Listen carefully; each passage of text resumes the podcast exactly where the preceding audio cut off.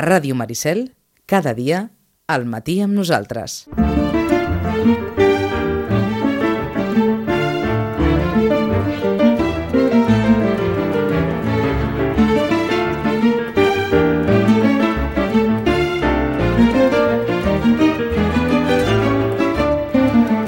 Home, no és que siguin dies de massa llegir, però en qualsevol cas, tampoc tothom és a les rues. Per tant, perquè li vingui de gust llegir, encara que sigui carnaval, aquí va el Temps pels llibres, els Temps pels llibres que ve gairebé capitalitzat per dues novetats que tenen relació amb els premis que es donen la nit de Reis. Ha passat un mes i, per tant, un mes després arriben a les taules de totes les llibreries el Premi Nadal i el Premi Josep Pla.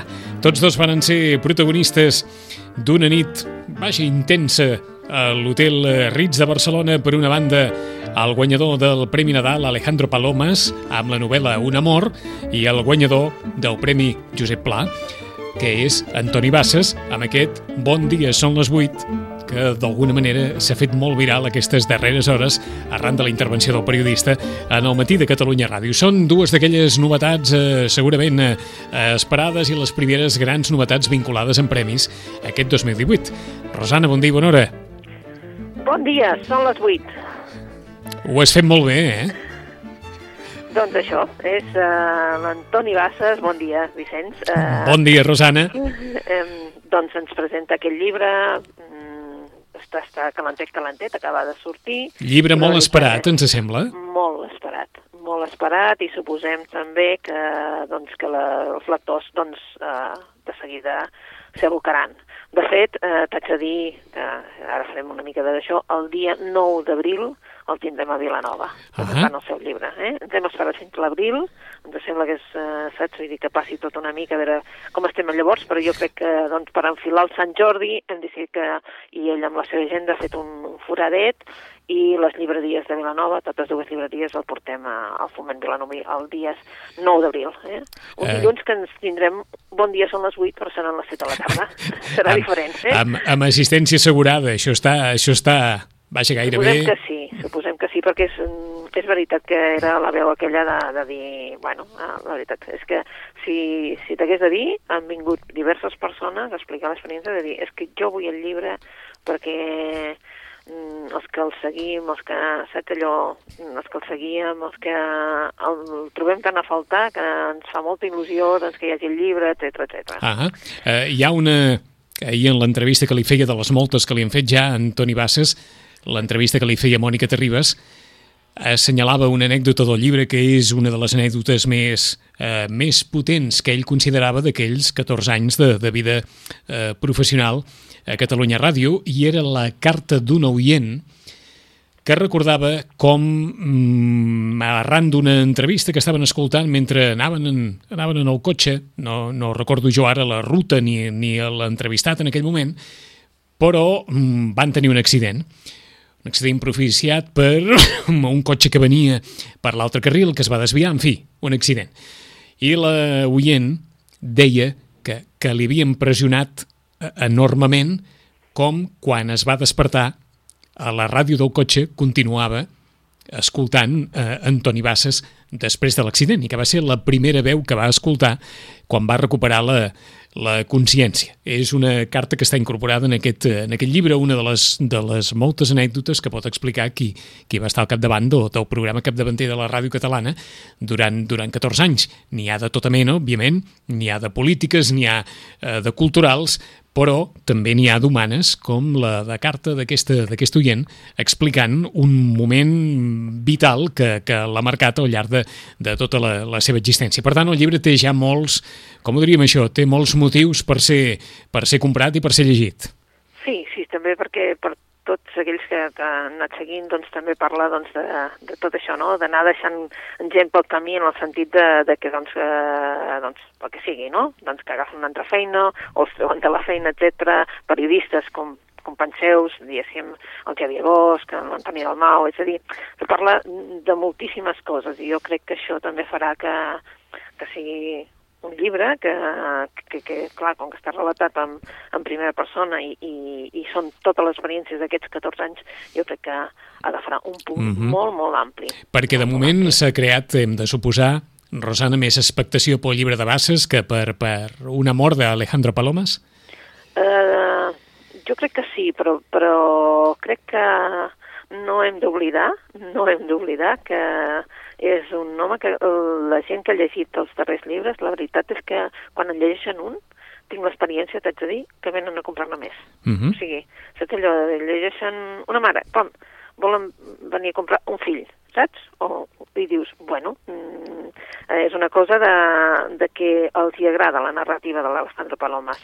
Jo crec també que serà un dels autors també que enamorarà. O sigui que la, la nit de Reis va donar, eh, hem de suposar, dos llibres que es vendran molt. Sí, sí, sí, sí, sí. No sé què passarà aquest any amb el Premi Sant Jordi, vull dir que està aquí enmig, i el, i el, uh, el Premi Ramon Llull, però ja ho veurem, saps? És allò que dius, bueno, ja, ja veurem què, Ahà. però sí. Eh? Um, recordem que fa que, que dos anys, diria, dos anys va ser que el Xavier Bosch amb el Ramon Llull va arrasar. No sabem si aquest any el que arrasarà serà el Premi Josep Pla, amb l'Antoni Bassas. No? És allò que una, anem Té- fent... Eh? té mo- té molts números, té molts números. Exacte, anem fent travesses i anem pensant, però la veritat és que sí, que és... Uh, bé, de fet, jo reconec que l'Antoni Bassas en aquest moment tothom l'està seguint per xarxes, per, per lo que sigui, mm? i el Alejandro Palomas jo crec que és, és un altre, no?, un públic que busca una novel·la, una novel·la d'aquelles de més aviat de sentiments, no? Mhm. I clar, parla doncs, d'això, no? D'un- D'una persona gran, vale? d'una persona d'aquelles que te l'emportaries a casa, vaja, que és d'aquelles... Eh, una persona que, eh, que és peculiar, que és una mica despistada, mm, i en, re, en realitat torna a parlar d'un univers familiar. Eh? Allò, dones que s'ajuden, dones que, que en realitat doncs, s'ajunten, i ara el que volem... Jo encara no l'he pogut llegir, només he llegit l'extracte que m'ha enviat l'editorial, Mhm. i ara sí que és una novel·la que dius, venen ganes, eh? venen ganes també. Vaja, que si fos per la Rosana, es comprarien els dos. Jo sí. Sí. sí, per un moment un i per un altre moment un altre, saps? Queda clar, Jo eh? Que, to, que tots Jo dos, sí, jo sí, eh? tots dos són, són recomanats. Estàvem a la... Jo, jo sí, jo crec que seran dos llibres que, eh, tret, de, tret el, de, de tot el tema de màrqueting i tot això, jo crec que ara aquí també funcionaran ells com, com a autors, eh? perquè, clar, també té una trajectòria l'Alejandro Palomas, eh? primer com a en novel·les també juvenils i després doncs, com a com a autor d'adults que ha donat un... Bueno, la veritat és que d'aquells que van sumant, sumant, sumant. Eh? Ah, estàvem a la pàgina del, del grup 62 i hem vist també que a part d'aquest Totes les bèsties de càrrega de Manuel de Pedrolo que ens vas comentar ja, redita un altre clàssic diu Novetats, acabat de, de sortir la reedició del dia que va morir Marilyn de Terenci Moix, Sí, amb butxaca. amb butxaca. Sí, amb la butxaca, sí, sí, sí. I és un llibre que en el seu dia, vaja, en fi, Mm, sí, en fi. Un I, de- I també els contes del Terenci, tots dos, eh? Però, però sí que és un dia, un, un llibre que dius, home, ja era hora, no? Que sí, faci, ja era hora que tinguéssim Terenci. Terenci perquè- Moix, que era un d'aquells autors que es permetia el luxe que el dia abans de Sant Jordi Sí, apareixia Correcte. llibre, eh, vaja, era un dels pocs que li permetien aquestes, aquestes coses. Jo crec que va ser, jo crec recordar l'únic Sant Jordi tenint un comercial al costat amb caixes de llibres corrents, corrents, eh? l'únic Sant Jordi que recordo això. Avui dia no sé si es podria fer això, saps? Vull dir, això que, eh? que ha d'entrar l'ordinador, que ho hem de Exacte. controlar, que s'ha de donar d'alta i tot això, però jo recordo el, el Sant Jordi aquell, eh? Vull dir, amb caixes al costat de dir, tot, corre, corre, corre, corre, i tothom corrents, eh? Perquè, és clar, evidentment sortia el Terenci, vull dir, no, eh? Vull dir que era un autor, doncs, molt conegut, molt, molt apreciat també pels lectors i, clar, Mm. -hmm. pa paradoxalment, eh, no, no, no ho vull dir d'aquesta manera, però tenint en compte la presència pública de Terenci Moix, perquè Terenci Moix va fer programes per televisió, eh, multitud d'entrevistes, no cal ni dir-ho, a part de, de novel·les d'autor, molts assajos sobre cinema, sobre el món del cinema que, que l'apassionava. Eh, eh, en canvi, després, l'hem tingut bastant oblidat, Terenci Moix, no? totalment. Totalment. Tenint en compte la presència, repeteixo, pública de Terenci Moix, que s'havia fet un tip de programes pel circuit català de televisió espanyola per, per TV3, vaja, havia sortit per tot arreu, era un home que a part li agradava molt el món mediàtic. Sí, i si te'n recordes també tot el món egipci. Exacte. També, eh? Sí, sí. Vull dir que, sí, i els llibres seus sobre el cinema dels anys 50, dels anys 60, dels anys 70. Exacte. Aquests llibres de cinema que tenia. Totalment, no sé, és, tenim una memòria, es veu que... que molt curta, eh? Seguida, és sí. molt curta, eh? És molt curta, molt immediata, no? I, bueno, és això que ens passa. Mm -hmm. És molt curta i molt immediata. I llavors, clar, ens passa això que, bueno, mm, fa, fa cent anys que va néixer el pues quina sort, perquè ara tenim la reedició de Pedrolo, eh? vull dir, dels Pedrolos, vull dir, de tots, eh?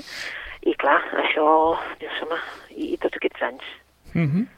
Mm, vull dir, hi ha hagut de gent que se l'ha perdut, saps? I no sé si els tornarem a recuperar, ah saps? Vull dir, I, i, aquest... eh? I no ens movem d'edició de, 62 perquè hi ha una col·lecció de narrativa catalana del segle XX Col·lecció de narrativa catalana del segle XX que Espera't, sí. ha fet en col·laboració, això és allò de la mitja competència, eh? ara resulta que edicions 62 es despenja amb l'avantguàrdia amb una col·lecció de narrativa catalana del segle XX molt semblant, molt, aquella ah. col·lecció de la Caixa, de la qual en vàrem parlar tantes vegades en el, en el seu dia, que anava més enllà de, del segle XX, doncs hi ha una col·lecció oberta amb, amb alguns clàssics catalans d'aquells que feia molt de temps, que va des del carrer Estret de Pla fins a, fins a de nou Pedrolo o altres autors de, de capçalera. Sigui sí, que... aquesta és, aquesta és la, la de l'avantguàrdia, no? La Sí, que corre per, sí. sí, aquesta és la que corre pels quios. Sí, sí, sí, sí. Sí, és, sí, és una col·lecció... No l'he vist encara, eh? Ahà. La veritat és que Però, de quios no però, l'he vist. però és a dir, de, sí. demostraria d'alguna manera que sembla Sí. que algú està desempolsegant uh, les estanteries, eh? Sí, sí. I, i, i, I de vegades dius, bueno, està bé, però això de que corri per, saps, per el quiosc i no, Mm. no estigui en un altre format. A D'acord. vegades els formats de, de, de quiosc són en tapa dura i tal, però el paper tampoc no, Uh -huh. no acaba de ser el que, clar, vull dir, és una edició de quiosc, vull dir. Sí, sí. I llavors, eh, que En- ens- per, perquè... Ens diràs el que em veig a venir, que els autors mereixerien una edició amb una miqueta més de d'ambi- bueno. d'ambició, per dir-ho així. No, però, però també per una altra cosa, perquè saps què passa que en els quioscs, per falta d'espai i per necessitat, Mhm. eh, tot corre molt. És molt veritat. Més, encara. Sí, és Llavors, veritat. Eh, mm, no pots anar a buscar el de fa quatre setmanes. Està clar. Perquè no hi és. Mhm. Llavors... mm, I aquí no estem, I aquí no estem parlant d'autors menors, eh? Exacte, i llavors, clar, tu no, no vull dir, clar, te n'has de recordar cada setmana que surt aquell autor, Ahà. saps? Vull dir que, i que si ens interessa, perquè de, si no són aquestes col·leccions que, bueno, que no, no van al mateix magatzem, no van, o sigui, saps? És tota una distribució tan diferent que després per trobar-los i dius, home, i ara què? Perquè millor resulta que surt un títol que no hi és en una altra col·lecció i dius, bueno, i ara què? Sí. Però vaja, eh? Cert. no ens queixem, no ens queixem. No, és perquè- carnaval i tot s'hi val i... I, I en qualsevol cas, repetim, és una vindicació de la qual la, la Rosana n'ha fet bandera tantes vegades dels clàssics catalans que no hi ha manera de trobar-los i que costa tant, etc etc. Doncs mira, Pedrolo, Terenci Moix, en fi, que algú desempolsega una miqueta les estanteries que, que bona falta fa i com que tot fa de bon recomanar, doncs hi ha mm, també en aquest aspecte, en l'aspecte dels clàssics, amb moltes opcions disponibles que acaben d'arribar a, les, a les llibreries. Perquè novetat, novetat allò acaba de, acaba de sortir, més enllà de, dels premis que ja hem comentat, del Nadal i del Josep Pla? Sí, sí, sí, en surten moltes. Vicenç, ara és el moment d'allò de més efervescència. És, és curiós, és el, el moment que la gent s'acosta menys a la llibreria perquè està de carnaval, etc. però clar, és el moment que surten totes les novetats ja de cara al Sant Jordi. Llavors aquest mes de febrer està molt carregat. I, és clar tenim des de tot això que hem dit, les, Sí. totes les bèsties de càrrega, la, una mort del Palomes, en català també, o sigui, està en castellà, el Premi Nadal, recordeu que es fa en castellà, però també hi és en català, i, doncs, eh, d'altres. Doncs d'altres serien, per exemple, una edició de Virginia Woolf, en plan completament diferent en tot el que estàvem parlant, dels anys de Virginia Woolf, eh, amb la traducció de Maria Antònia Oliver, que es torna a reeditar i es torna a, a reeditar amb una editorial que es diu um, La Temerària. té pocs llibres, vale? té pocs llibres, són uns editors així, una, una gent del llibre, diguéssim. Això és gairebé una declaració d'intencions, eh, Rosana? Totalment. La temerària. La temerària. I llavors a sota posa, abans del codi de barres i tal, la col·lecció és Tem l'home d'un sol llibre. Uh -huh.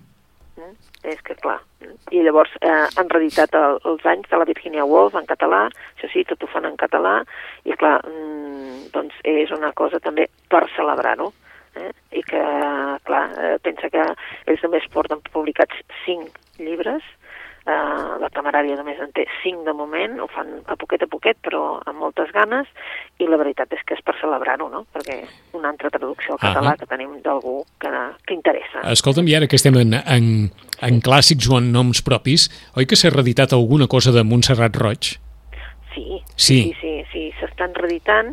Ja saps que, te'n recordes que vam dir mm, felicitats a l'editora, jo l'altre dia li vaig dir personalment, van venir aquí, a, la Rosa Toran va venir a presentar la reedició dels catalans als caminantis, eh? si recordes ja... el- Sí, això tens raó, tens raó. Ho vam parlar. Doncs ara s'estan publicant més cosetes. El que passa que, clar, evidentment s'estan publicant amb, amb aquella col·lecció de butxaca de Ducaula perquè, eh, doncs clar, no ho poden editar tot amb, amb, amb tamany normal, diguéssim, amb tamany el trade, que n'hi diem nosaltres. Però sí, s'està començant, començant, eh? Però bueno, eh, jo crec que aquest any eh, tenim ja amb la butxaca Digues que m'estimes encara que sigui mentida, Sí. el temps de les cireres, i tu diràs, bueno, doncs això, no, és que això, saps, vull dir, això va sortir a últims d'any passat per poder eh, ja mm, dir que ja teníem Montserrat Roig, però vaja, eh, s'estan reeditant, jo crec que continuarem, eh, amb l'Agulla Daurada, eh, amb Ramon Adeu, perquè, és clar, l'Agulla Daurada també és un dels llibres que, que necessitem, vull dir que Mhm. necessitem que el reeditin i que... Igual que, igual que el, el Ramon Adeu, que va tenir un èxit en el seu dia Sí. enorme. Sí, em sembla Sí. que el, el, Ramon Adeu el tenien a um, Educaula, sí, encara hi és, eh? El Ramon Adeu encara hi és amb Educaula, i l'Agulla Dorada en la butxaca, sí. Mhm. O sigui que, però costa després, eh, això sí, els, els tenim en butxaca només, eh? D'acord. Això hi ha, hi ha una queixa de, de segons qui, però diu, home, però la lletra no és el mateix. No, ja, Mm. mm. però, però com a mínim els tenim. No podem dir que no tenim Montserrat Roig, eh? Perquè ja saps que hem passat molts anys sense Montserrat Sense Roig. Montserrat també. I un, altre, I un altre dels noms d'una generació i un altre dels noms de capdals de la literatura catalana de, del segle XX, de finals del segle XX. Eh? Doncs. Montserrat Roig també hi és, Els catalans als camps nazis, aquell llibre de capçalera que us havíem comentat, El temps de les cireres, o Digue'm que m'estimes encara que sigui mentida, agafant aquella, aquella frase icònica de Johnny Guitar que pronunciava, diguem-ne, el qui volia ser per ella de Joan Crawford en el seu dia. Doncs digue'm que m'estimes encara que sigui, que sigui mentida. Per on seguim en novetats? Doncs mira, seguim en novetat i amb una autora nova. Una autora nova, eh, clar, el que busquen ara els editors, és evident, clar, mm, eh, els nostres autors ja, alguns ja ens han deixat, uns altres doncs són grans i necessitem doncs trobar la, els nous, no? Eh, la generació nova, la generació que, que seran potser grans autors o no, no se sap, però en definitiva estan buscant autors eh, que siguin nous. I ens deia l'editora de l'altra editorial, saps, la Brogi, mm saps? Que la- l'Eugènia Brogi doncs, va fer aquesta editorial, va sortir d'Empúries i va fer l'altra editorial, doncs aquesta altra editorial, doncs l'Eugènia feia una carta dient als llibreters, ens va enviar un llibre i ens deia, és que cada dia ens arriben tants i tants manuscrits que ens en faríeu creus, però de tant en tant de tant en tant trobem alguna cosa que val la pena publicar. Eh? Perquè, és clar, arriben molts manuscrits i el que hauries de dir, escolta, mm, torna-li a donar una volta perquè això no, ni, ni és publicable ni, ni és llegible, Ahà. no? Però vaja, eh, de tant en tant troben una cosa que ells consideren que val la pena. Que I són, de, que cas- són dos conceptes diferents, eh? Publicable ja és una cosa, però llegible que es Ah, pugui, exacte, és que es que pugui, què envi passa? que es pugui enviar a una editorial quelcom que no sigui ni llegible, també No, ja té que- un punt, eh? bueno, ja saps que cada vegada ens va fallant més Sí, el sí. tema sintaxi, vale? Mhm. eh, ortografia ja n'hi diem, perquè hi ha el corrector, però vaja, eh? Bé, doncs, eh, ha trobat la Marta F. Soldado. La Marta F. Soldado és de Terrassa i va néixer el 89, per això diem que són ja generació jove. Eh? Sí. És, el llibre és un llibre molt curtet, eh? un llibre mm, de només, eh, la veritat és que deu tindre unes 100 pàgines, dic, 116 pàgines, vale? i es diu La felicitat d'un pollastre las. No es pot negar, no es pot negar que es compra pel títol. Exacte, eh? la felicitat d'un pollastre las. Eh?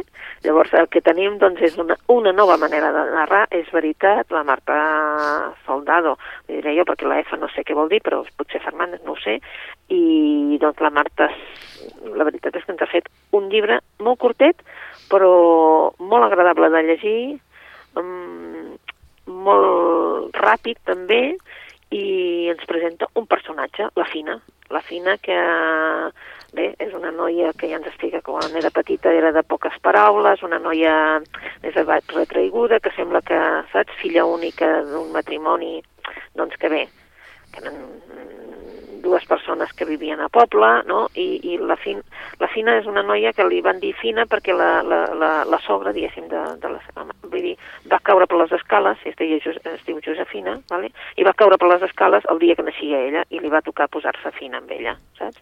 Llavors, clar, ella ja veu que la seva vida doncs, passa plàcidament, uh mhm. -huh. plàcidament, perquè va trobar un noi, vull dir, els seus pares estan contents perquè um, la Fina no els hi va donar cap problema, ni drogues, ni posar-se en res, etc. I, i, I va trobar un noi, el Paco, um, s'hi ha casat, té dues criatures, uh, clar, i, i ara doncs, la Fina ha aconseguit el seu somni, tenir una perruqueria. Obrir una perruqueria en un barri, eh? Um, el que passa que hi ha un problema en aquesta perruqueria, és, és fantàstica, és petitona, i està ella sola, uh, però té les rajoles blanques mm. les rajoles blanques, i sí. aquestes rajoles blanques les veu molt ella, perquè va amunt i avall de la perruqueria, és clar, ha d'anar cap aquí, a fer el tint, cap allà, i, i les veu molt. I és un element de les rajoles blanques que sortirà per tota la novel·la, perquè la moïna en aquestes rajoles blanques les voldria canviar, ha d'estalviar, hem de pensar que és una gent que vull dir que estan bé, però vull dir que no tenen eh, possibilitats de fer grans despeses ni res de res, el seu home doncs eh, té un treball molt corrent i només té una passió, el seu home, el Paco només té una passió que són els ocells. Eh? Llavors eh, va a concursos amb els seus ocells, etc etc. Evidentment és una cosa que la Fina odia, perquè és difícil això dels ocells, si no t'agrada uh -huh. molt tenir els ocells a casa. Eh? Um, Uh, us diríem que, que us atrevíssiu a llegir-la perquè és una cosa completament nova. És ella que un bon dia, doncs, quan el seu l'home és fora, doncs s'atreveix a, a somiar. I somiar i fer-ho... Eh, tenir l'oportunitat de fer allò que ella haguera fet si no hagués estat una mica marcada per aquest camí doncs, de, uh -huh. de ser bona nena i de... de ens, ho veiem, tot, eh? ens ho veiem a venir, eh? Un sí, moment sí. en què s'atreveix a somiar en una vida no tan grisa, no tan Exacte, plana, no però, tan... Uh -huh. Sí, mm, però és res, 115 eh, pàgines 116 que eh, te les poleixes perquè és un estil com a, ja et deia, molt àgil, mm? molt, mm, no sé, com, com quan va sortir la, la Marta Rojals, que dèiem, home, és una literatura completament diferent. Doncs ara també us dic que, que aquesta ho és, és eh, eh, es llegeix molt bé i tens aquella sensació de, que també surt, evidentment, la felicitat d'un pollastre las ben cuit, amb la seva pell, etc etc que també ho explica i ho explica molt bé, eh? Uh -huh. que sembla que t'estiguis menjant tu el pollastre o tindries ganes de menjar-te. O sigui que en el fons aquest, aquesta aquesta nova pavimentació de la perruqueria que mai no acaba de produir-se és la metàfora d'aquest somni d'una vida diferent a la que, a la que ha tingut. Vaja. Exacte. Uh -huh de Marta F. Soldado, nascuda l'any 1989, autora jove, La felicitat d'un pollastre l'ast. Acabat de, de sortir en una d'aquestes novetats que la Rosana busca més enllà del que, del que és tan mediàtic, doncs més enllà del que és tan mediàtic hi ha també bones novel·les i autors joves que cerquen una sortida a la seva eh, creativitat. Més recomanacions, Rosana. Més recomanacions. Una altra eh, que va sortir, la recomanació, la veritat és que va sortir en La Vanguardia, és a dir, que podeu llegir l'article de la Madonna con abrigo de piel. Sabahatin Ali. Um, bé, eh, La Madonna con abrigo de piel també és un llibre curtet, us en celebro perquè aquesta gent que ens demana llibres curtets, bueno, aquest ja té 220 pàgines, la veritat és que la gent no vol que els llibres li pesin gaire i aquest no pesa, i la veritat és que és un llibre diferent. Zabahattin Ali és un autor turc que l'hem rescatat de l'oblit, no? perquè eh, aquest senyor va morir, em sembla que era abans dels 50, i la veritat és que, mm, bueno, un, segons explicaven allà, i es, es veu que és així, jo he buscat també informació d'aquest senyor va, va morir en unes circumstàncies una mica poc, vaja, poc clares, eh? Mm -hmm. Molt poc clares, vull dir, era un detractor eh, de, de l'Ataturk, i això no li va portar gaires avantatges, pobre home. I llavors, quan intentava sortir, doncs, bueno, va aparèixer en un penya-segat, aquest senyor. Però um, és un, aquesta obra ara està traduïda a un munt d'idiomes i la veritat és que ha començat a, a ser com si tingués eh, un aire de, de, saps allò de que rescatem una cosa que semblaria, doncs quan vam rescatar el Sandor Mare, que llavors va començar a sortir novel·les, no sé quantes en va fer, però aquesta és una de les que realment doncs, eh, ha agradat més. Madonna con abrigo de piel és la història de mm, d'un amor, realment, eh? però va molt més enllà ens presenta un personatge, el Raif Effendi, que el Raif Effendi és un personatge que el coneixem al començament de la novel·la, doncs fent de traductor d'una empresa, és un ningú dintre de l'empresa uh -huh. i tothom li pot cridar, saps? Ell està allà amb el seu despatxet en la seva tauleta, mmm, fa el que li manen, uh, de vegades sempre, sempre entrega les coses massa tard, sempre mm, tothom li crida, i en aquesta empresa arriba un altre noi, amic, diguéssim, de, d'un dels, eh, diguéssim, gerents de l'empresa i, i, i es posa al costat i la seva feina és anar als bancs. Però es fixa en aquest home, en aquest home tan callat, que està allà sobre els papers, que no saps mai què fa, però en definitiva eh, intenta acostar-se amb ell eh, per veure què, qui és i què li passa, veu que la situació a casa seva doncs, és un, un caos, és d'aquelles famílies eh, turques que viuen tanta gent, perquè viu amb ell, amb la seva dona, les dues nenes, eh, dos cunyats que sembla que no facin gairebé res, i després també la, una altra germana amb el seu home, o sigui que és una casa en què la dona del rei Effendi l'únic que fa és com el que diu d'anar tot el dia de, de, d'un lloc cap a l'altre fent menjar, cuidant la casa, etc etc. Mm -hmm. I ell allà no hi pinta absolutament res. Però llavors rescatarem, ell rescata la història real d'aquest senyor, del rei Effendi, perquè arriba a Berlín, eh, el seu pare l'envia, eh, és un senyor que tenia, el, el pare del rei Effendi tenia diners, diguéssim, i l'envia, com a turc, l'envia cap a Berlín perquè aprengui perquè aprengui a fer sabons, perquè tenien una, una empresa. Um, bé, ell hauria d'aprendre a fer sabons, eh? sabons amb olor, de tocador, etc etc a Berlín, però el que fa realment és mm, passar els dies, aprendre mm -hmm. la llengua i per això després es farà traductor. Eh? I, en definitiva, coneix a una dona, la Maria Puder. La Maria Puder, des de que coneix a la Maria Puder, doncs la seva mm, vida es toca totalment. És una dona transgressora, una dona mm, del Berlín dels anys 20, completament diferent a tot el que ell coneixia, eh, ell va molta cura, va molta d'això, però evidentment el que veiem és que aquest amor el va canviar. Què va passar que, no, que, que això no es transforma? Doncs Madonna con abrigo de piel és una bona possibilitat per a tots aquells que vulgueu doncs, eh, traslladar-vos al, al Berlín dels anys 20 i a la Turquia dels anys eh, 40, crec que és més o menys. Mm -hmm. Estem gairebé, diríem, que en el mateix registre, eh? Un home de vida més o menys ja conduïda que coneix algú que li canvia la vida. Sí, però aquesta és una dona molt diferent. Eh? Molt diferent, eh? Molt diferent, eh? És pintora, però pintora d'aquestes doncs, que amb, amb poc èxit, perquè són pintors, eh, diguéssim, que no van pel canal comercial, i llavors doncs, eh, s'ha de guanyar la vida d'una altra cosa, amb, uh mhm. -huh. per ajudar-se, no? Um, una dona que posa, saps, la mà um, per eh. aturar els homes. Aquesta altra cosa és l'altra cosa que ens imaginem? No, no, no, no, no, no, no, ah, no bueno, no cal. un cabaret, eh? Canta ah. un cabaret, però vaja, eh? No, no arriba amb això, però canta un cabaret, o sigui, saps? Que molt allunyat del que seria el seu, que ell es considera que, com si diguéssim, ell es considera com, com si fos això, saps? Vull dir, vendre el seu cos, però diu, bueno, i què? Sí, sí. Ells, ho, vull dir, ells em paguen, però doncs ja està, no res més, eh? Mm, és una, una novel·la com per, saps, per veure una mica doncs, també el paper de la dona en aquest, eh, en aquests anys, precisament... Mm -hmm. De... En aquest moment històric. Exacte, de tant mm. tanta... que Berlín era un... Bé, era una festa. Un pou de, de, eh? de, de festa, de Sí, sí. cultura, de reunions, etc etc. Tot el que no es va viure després es va viure abans. El, Exacte, tot el, sí, tot el sí. Berlín abans de l'arribada del nazisme era aquest Berlín, gairebé capital d'Europa, tant com París, però en un altre eh, registre, no? de la cultura més més agosarada. Bé, doncs, exacte. doncs història de Raif Effendi i de Maria Puder, que li va canviar absolutament la vida, és el que hi ha darrere de Madonna con abrigo de piel de Ali Sabahatin, eh, autor recuperat. La, la novel·la eh, és una novel·la dels anys 40, l'autor va morir a l'any 1948. Per on seguim? Doncs bé, es podíem seguir per un, diem, una, un, un clàssic ja de Sant Jordi, perquè quasi sempre surt un clàssic de Sant Jordi, i és eh, la Sara Larc. La Sara Larc amb una, un altre llibre que es diu ara, amb una portada preciosa, saps aquells que enamoren la portada ja, que es diu Bajo cielos lejanos. I dic que, que enamora perquè, evidentment, tothom estava ja esperant, les, les lectores de Sara Larc esperaven ja un altre Sara Larc. Eh?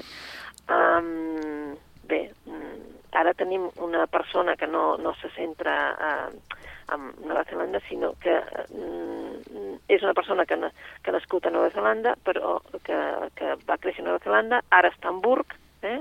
i és una, una periodista. Um, què passa? Però és que el que ha perdut és, ha perdut, diguéssim, tota la informació de, de, dels seus primers anys de vida allà i el que fa és tornar, evidentment, a Nova Zelanda. Mm, La Sara Lark i Nova Zelanda és una història ja molt llarga que tenim de moltes novel·les i la veritat és que eh, és allò saga familiar, mm, paisatge, és aquesta literatura de paisatge que n'hi diuen ells, Ah, perquè realment el paisatge forma part de la novel·la i és com un element més de la novel·la. Eh?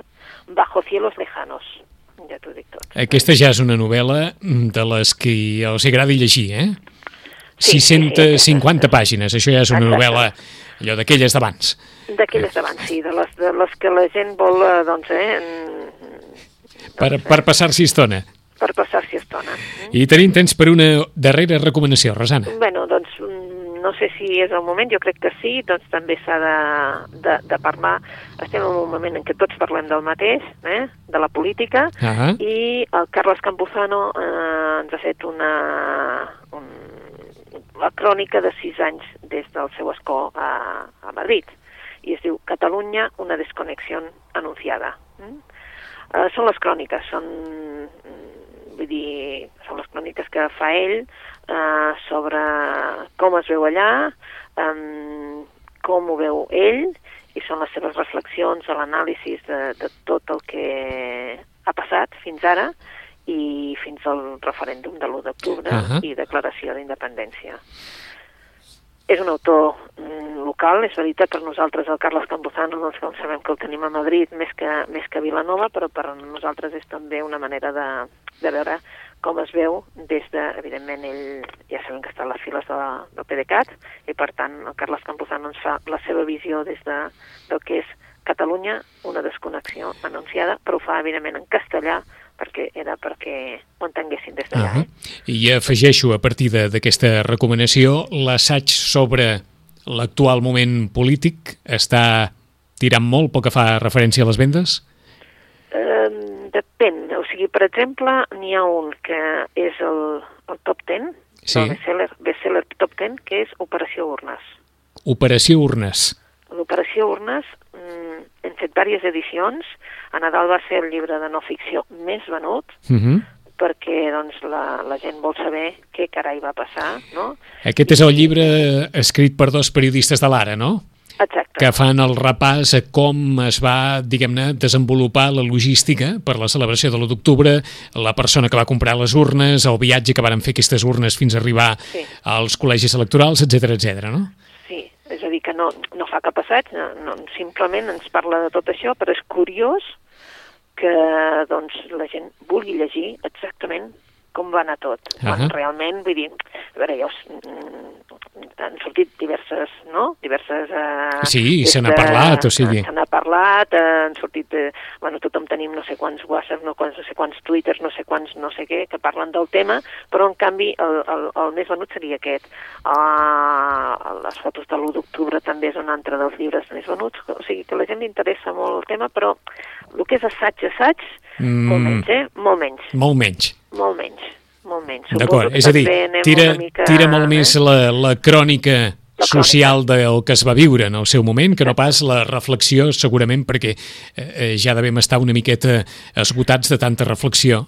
Sí. I, I això també suposo que pesa a l'hora de, de pensar en comprar un llibre en què desenvolupi d'una forma extensa, una vegada més, allò que, que n'hem sentit a parlar tantes vegades, no? Sí, suposo Probablement. que ens passa això, eh? Uh -huh. Probablement passa això, però en canvi és curiós doncs, que que la gent vulgui l'operació urnes, saps? Per, per saber com va anar absolutament tot. Ah sí, sí. Doncs comencem el repàs precisament per aquest eh, darrer llibre de Carles Campuzano, del diputat Carles Campuzano, sis anys, sis anys de parlamentarisme a Madrid eh, i amb aquesta reflexió. Catalunya, una desconnexió anunciada. Llibre en castellà, es poden més o menys mm, intuir el, el relat dels esdeveniments a partir del testimoni de Carles Campuzano, un llibre de reflexió profunda, però com ens deia la Rosana, el que s'ha venut molt és aquesta crònica periodística de el funcionament de les bambalines de l'1 d'octubre, l'Operació Urnes, que ha estat un llibre molt venut per Nadal, el més venut, i que continua encara tirant molt. Un clàssic de Sant Jordi, qui vulgui, el darrer llibre de Sara Larc, Bajo cielos lejanos, acabat de, de sortir literatura de paisatge en aquest entorn de Nova Zelanda que embolcalla la història d'una novel·la que agradarà als fidels a, a l'autora. D'Ali Sabahatin, Madonna con abrigo de piel, la història d'aquest home eh, que és enviat a Alemanya pel seu pare a conèixer el funcionament d'una fàbrica de sabó, acaba coneguent a una, a una dona, una artista de la pintura, però una artista de segona que es guanya la vida fent altres coses i aquesta dona li canviarà la vida. De Marta Soldado, autora nova, nova, nova, llibre, novel·la molt curta, La felicitat d'un pollastre l'as, també la història d'una dona amb una vida molt marcada ja des de l'àmbit familiar, que arriba un moment en què, en què somia, somia en què s'atreveix a fer altres coses més enllà de la seva vida com a perruquera al costat d'un home apassionat pels concursos eh, d'ocells. Es recuperen de Virginia Woolf, als anys, amb una traducció de Maria Antònia Oliver, editat per l'editorial La Temerària, i per altra banda s'estan també recuperant les obres de Montserrat Roig, els que no coneguin Montserrat Roig, doncs s'hi poden posar sense restricció, i els qui la coneguin i feia anys que, que esperaven moment per poder comprar o per poder completar la seva col·lecció, la Rosana ens diu que segurament a poc a poc això anirà sortint a les llibreries i per tant aquells que vulguin llegir més de Montserrat Roig després de molts anys de, de no trobar disponibilitat, ara ho podran fer. De Terenci Moix, es recupera el dia que va morir Marilyn, un altre dels clàssics de la literatura catalana i hem començat amb dos premis, amb Un amor d'Alejandro Palomas, el Premi Nadal en català i en castellà i en aquest Bon dia, són les 8, d'Antoni Bassas, el Premi Josep Pla d'aquest 2017 reconegut la nit de Reis en aquell clàssic esdeveniment literari amb el qual es comença l'any en el món dels llibres. En 15 dies hi tornarem a de passar tot el carnaval encara. Bon carnaval, Rosana. Bon carnaval. I en 15 dies ens tornem a saludar. Molt bé, a vosaltres. Adéu-siau.